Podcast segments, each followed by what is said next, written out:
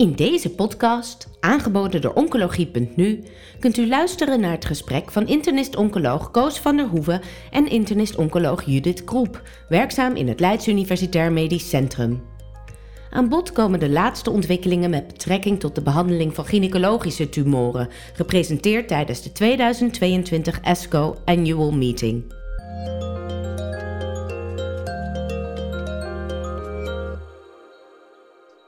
ASCO 2022, gynaecologische tumoren. Ik ga hierover praten met dokter Judith uh, Kroep. Judith is uh, internist-oncoloog in het LUMC. Haar aandachtsgebied uh, zijn de mammacarcinoom en de gynaecologische tumoren. En sinds kort is Judith ook associate professor. Judith is net terug uit Chicago. Judith, welkom. Ja. Um, we gaan beginnen over het ovariumcarcinoom. Over het ovariumcarcinoom uh, gaat het de afgelopen jaren eigenlijk bijna steeds over de toepassing van bevacizumab en de toevoeging van parpremis. En we gaan over de laatste uh, eerst praten. Dat was de Athena-studie en die ging over de toevoeging van rucaparib en ook nivolumab als onderhoud naar respons op eerste lijn cisplatinum bevattende therapie. Kan je iets over deze studie zeggen? Wat was de opzet en wat waren de resultaten? Jazeker. Uh, op de ASCO werd inderdaad het resultaat van deze uh, studie gepresenteerd. En uh, de resultaat werd gepresenteerd van de Athena mono-arm. Dus van alleen de rucaparib-arm versus de placebo-arm. En dat staat in vergelijking met de eerdere studies die we al hebben gezien met de Solo-1-studie bij de BRCA-gemuteerde tumoren. En ook bij de PRIMA-studie die al ja, in zoverre was dat het BRCA-mutant als wildtype was. Uh, in deze studie kwam wat dat betreft het meest overeen met de PRIMA-studie. Zowel uh, BRCA-gemuteerde patiënten als uh, deeltype patiënten konden erin. En wat aan deze studie nog bijzonder was, is dat ook na adjuvante therapie de patiënten met een complete remissie in deze studie waren opgenomen. En dat komt weer overeen met de eerdere Paola-studie met parbremming en bevacizumab ook erbij de resultaten waren eigenlijk wel als verwacht. Uh, het primaire eindpunt was progressievrije overleving. En de resultaten waren positief. Met een uh, significant verbeterde progressievrije overleving voor de groep met de parpremming, met de rucaparib. En dat was zowel in de HRD-groep als in de alle patiënten. En er werd ook exploratief gekeken in de HR-proficiënte groep. En ja, in alle was het eigenlijk significant met hazard ratio's dan in de HRD-groep van punt 47. Maar ook in de HR-proficiënte groep was de hazard ratio uh, nog punt 65. En daarmee een positieve studie. Kun je iets vertellen over, je noemt de hazard ratio, maar kan je ook iets vertellen over het verschil in progressievrije overleving? Ja, dat was in de HRD-groep was dat 17 maanden in totaal. En in de uh, proficiënte groep uh, ging dat dan naar 5 à 6 maanden uh, toch verbetering. Dus toch best best een ja, dus vooral in de HRD, dus in de deficiënte groep, een, een verschil in progressievrije overleving van 17 maanden. Dat is echt wel betekenisvol voor de patiënten. Ja, en wat wel ook weer anders was dan in andere studies, daar werd de HRD gedefinieerd door de Myriad uh, bepaald. En hier keken ze naar de LOA uh, aanwezigheid. Dus het was wel een iets andere definitie van HRD. Maar de, de grootste winst is inderdaad nog steeds in de HRD-groep te behalen. Ja. En dat heeft denk ik ook wel consequenties hè, als er toxiciteit is en bij wie het al dan niet echt wil doorzetten. Ja, uh, die 17 maanden voor de HR-deficiënte groep, dat is echt wel, uh, wel belangrijk.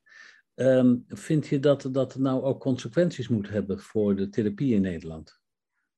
Ja, op, op dit moment geven we al wel de ehm, patiënten met de BRCA-gemuteerde tumoren is het advies om olaparib te geven. Daar ja. zou dit nu naast kunnen. Dit was ook twee jaar uh, als dolaparib. Uh, terwijl voor de eh, BRCA deeltype groep geven we op dit moment uh, niraparib. En dat is dan drie jaar. En daar zou dan eigenlijk dit ook naast kunnen. En dit komt dan waarschijnlijk ook in de groep die complete resectie hebben na adjuvante therapie die groep krijgt op dit moment in Nederland nog geen aanvullende behandeling, omdat wij niet volgens Paola 1 de bevacizumab geven. Dus die ruimte kan deze studie in ieder geval opvullen. Ja, denk je dat het nou van belang is om, je hebt eigenlijk gezegd, zowel de HR-deficiënte als de HR-sufficiënte groep, die heeft de baat van de rucaparib in dit geval. maar de deficiënte groep veel meer dan de, de niet-deficiënte groep. Vindt u nou van belang om dat bij patiënten ook te weten? Er werd vroeger vaak naar BRCA gekeken, maar BRCA betekent niet altijd dat er HR-deficiëntie is. Ja, ik, ik zou het heel graag willen weten. We kunnen het nog steeds niet. Er wordt heel veel onderzoek gedaan, laat ik het zo zeggen. Wat, wat we kunnen is die Myriad, dat is best een kostbare test. En er wordt ook door in Nederland, hè, ook door onze groep en andere groepen, wordt er wel uitgebreid onderzoek gedaan, ook internationaal. Maar daar, daar is toch nog geen consensus over hoe we dan de HRD meten. En dat blijkt ook wel omdat deze studie het dan toch weer anders doet. Maar daar worden wel stappen in gezet. Dus, dus het, is wel zeker wel. Kijk, het heeft in zoverre geen consequentie dat je iedereen adjuvant behandelt. Het heeft in Nederland wel consequentie, ook gezien de kostenvergoeding en de duur van de behandeling, uh, of, of er een BRCA, een BRCA-mutatie is. Um, ja, dus, dus behandelconsequentie heeft het niet per se, maar je wilt het wel graag weten. Oké. Wat betekent deze, de, de, de uitslag van deze studie nou voor jou? Dat het eigenlijk een bevestiging is van hetgene je al doet? Ja, het is een bevestiging van wat we doen. We hebben een extra middel met toch weer een iets ander toxiciteitsprofiel. Um, ten opzichte van de niraparib werd hier iets minder trombocytopenie gezien. En dan toch in die groep die nog miste in de eerdere uh, prima-studie met de complete resecties, dat, dat we die mensen nu in ieder geval ook een parprem kunnen geven. Oké. Um, de Athena-studie, daar zitten ook uh, armen in met het nivolumab. Die werden nog niet gepresenteerd. Dat, waarom was dat? Ja, dat is een goede vraag. Dat, dat ik, want eigenlijk zou je verwachten dat die data er ook zijn, maar dat weet ik niet zeker of, of daar nog geen significant eindpunt was.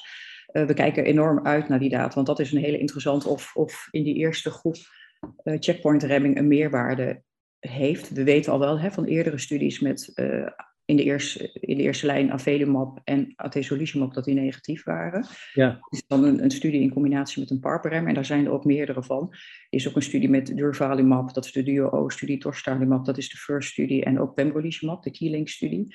En naast deze studie volgen die vier studies daar nog de uitkomsten van. En ja. het is heel interessant of dat dan toch weer die hele eerste lijn nog gaat veranderen, dat er ook nog een IO bij gaat komen. Het is altijd een beetje speculatief, maar als er echt indrukwekkende verschillen zouden zijn, dan zou het nu waarschijnlijk wel gerapporteerd zijn. Maar dat is een beetje speculatief. Ik wilde ja, met je. Maar voor volgend, uh, dat dat, ja. ja, ik ben heel benieuwd wat eruit gaat komen. Ik wil met je overstappen naar bevacizumab. Uh, dat is eigenlijk al een langere tijd is dat, uh, een, een, onderdeel van de behandeling van het gemetastaseerde ovariumcarcinoom. In Nederland wordt het niet als eerste lijn toegepast. Niet in de eerste lijn uh, in combinatie met chemotherapie. Er was bij de ASCO een, een, een, um, een studie, retrospectieve studie over de toepassing van bevacizumab bij het clearcelcarcinoom. Wat kan je daarover vertellen?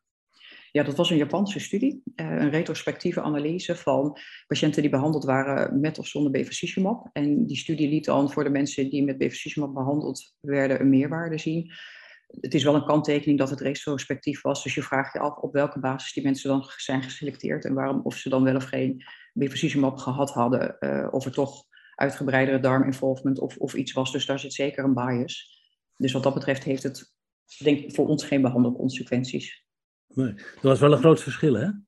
Het, het, het, was best een verschil, inderdaad. En wat we ook wel weten uit de uh, eerdere GOG-studie uh, is dat mensen die het juist wat slechter doen, dus de stadium 4 uh, patiënten en wat minder chemosensitief zijn, dat die juist een meer, meerwaarde toch hebben van de bevacizumab. En in Nederland geven we het dan niet omdat er primair geen overal survival winst is gezien. Maar op vrije overleving is, is er zeker een meerwaarde. Ja, want het kleercelcarcinoom, dat is maar een kleine groep van de patiënten met het uh, ovariumcarcinoom. Vaak een slechte prognose.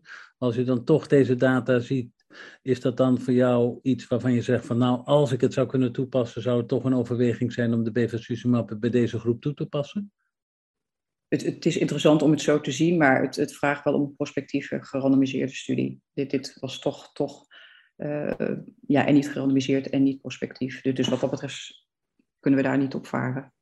Er waren nog een paar nieuwe dingen. Er werd gesproken over IL-2, JAK2 en STAT, dat die uh, een rol zouden kunnen spelen bij resistentie tegen behandeling voor het ovariumcarcinoom. En daar werden ook uh, JAK2-remmers toegepast. Kan je daar een tipje van die sluier op lichten?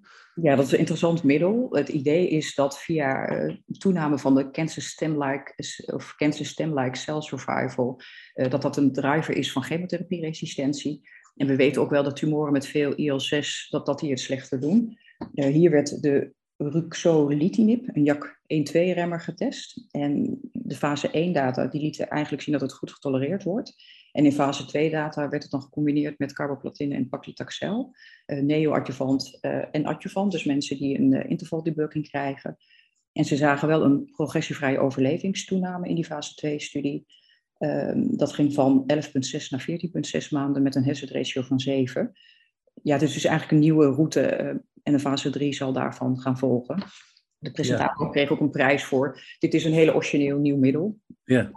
Ja, is afwachten. Nieuwe inzicht in de moleculaire uh, kenmerken van de tumor en op basis daarvan nieuwe behandeling. Maar het zal nog wel eventjes duren voordat dat uh, eventueel in de praktijk kan worden toegepast. Ja, en in de discussie werd nog wel genoemd dat het ook maar weer één route is. Dus het is dus weer één route die je remt. Ja. Dus het kan natuurlijk ook weer dat de tumor dan toch weer via een andere route gaat.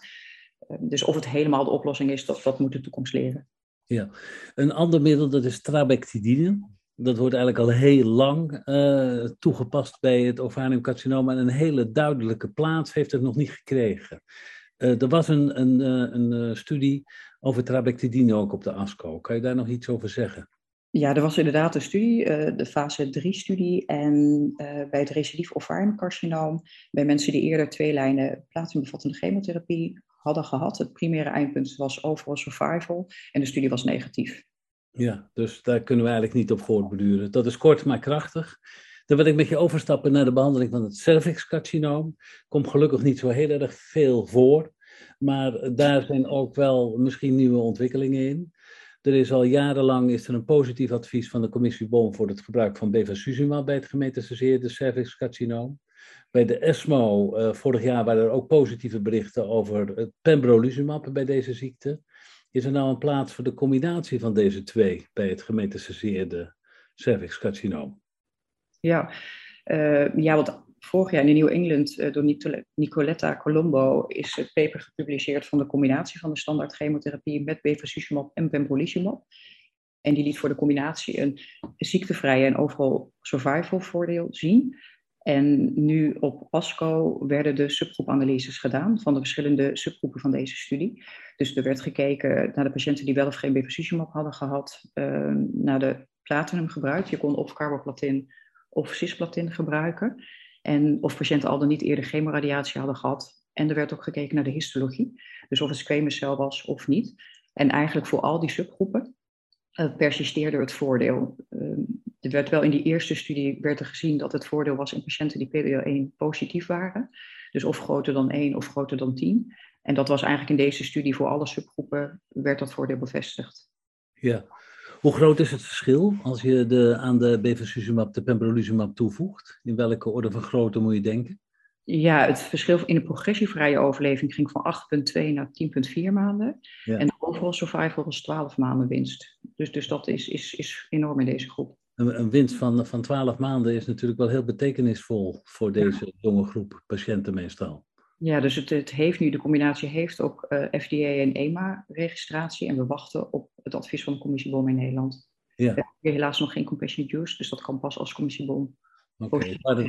het waren de uitkomsten van de Keynote 826-studie.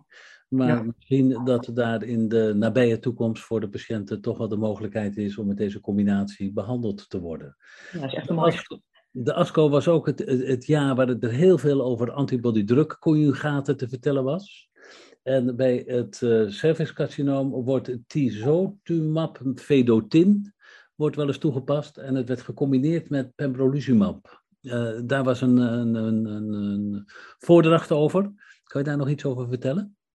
Ja, Ignas Vergroten die presenteerde dat. En dat uh, ja, tisotumab vedotin is uh, door de FDA reeds geregistreerd in de tweede, derde lijnsetting. Dat is op basis van een fase 2-studie waar het een responsrate rond de 24% liet zien. Um, nu op ASCO kwamen de eerste lijns data van de combinatie van tisotumab vedotin met pembrolizumab. En hij liet ook de combinatie, het is, het is een drie-armen studie, uh, ook de combinatie met tisotumab en carboplatin zien. En een arm die nog loopt is de tisotumab, carboplatin, pembrolizumab uh, al dan niet met bevacizumab. Dus daarvan volgen nog de resultaten. Um, dit was een fase 2-studie aanvankelijk, de eerste was eigenlijk de tisotumab met pembrolizumab in 32 patiënten. Het eindpunt is uh, overal respons en dat was 41 procent. Dus een mooie responsrate uh, voor deze groep.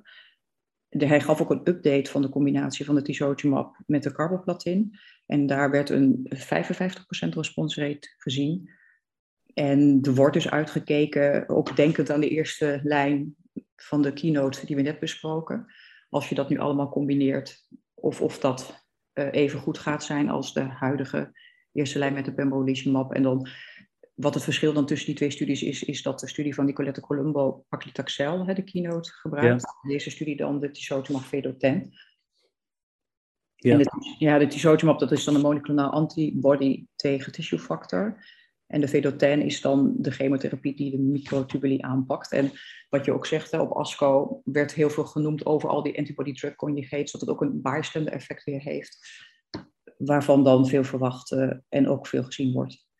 Dus nog niet voor de, de huidige praktijk, maar misschien dat over één of twee of drie jaar dit uh, voor de patiënten met een gemetastaseerd cervixcarcinoom een optie is. Ja, Heel kort nog naar het endometriumcarcinoom. Bij het endometriumcarcinoom, daar is de, zijn de moleculaire kenmerken van de tumoren steeds meer belangrijk bij de bepaling welke therapie je zou kunnen geven. Zou je nog iets in algemene zin daarover kunnen vertellen?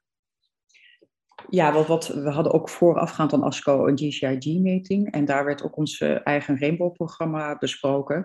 Dat is een studie die bestaat uit vier studies. Molecular-based adjuvante therapie en endometriumcarcinoom.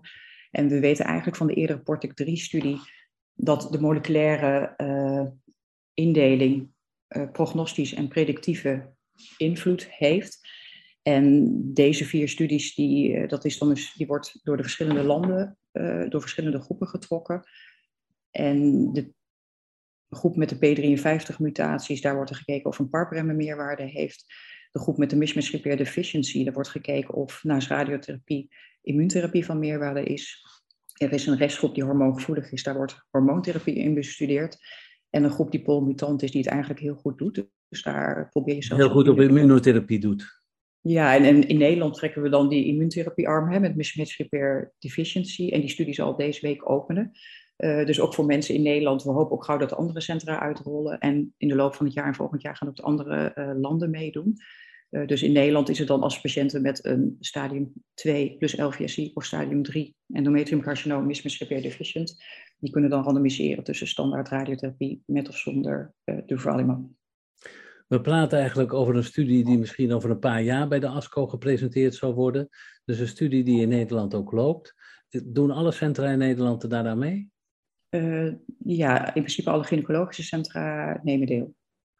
Oké, okay. nou ik denk dat we weer een mooi overzicht gekregen hebben voor de, over de gynaecologische tumor, de huidige stand van zaken. Zijn er nog dingen die je had willen toevoegen, Judith? Nee, dankjewel. Het was een leuke interview en het was ook heel goed om de collega's uh, weer op ASCO te zien. Oké, okay. nou dankjewel voor dit uh, interview. Dankjewel. Bent u geïnteresseerd in meer podcasts? Deze zijn te vinden op de website www.oncologie.nu. Heeft u zelf een onderwerp of onderzoek dat besproken kan worden in een podcast? Mail het naar info@uitgeverij-jaap.nl.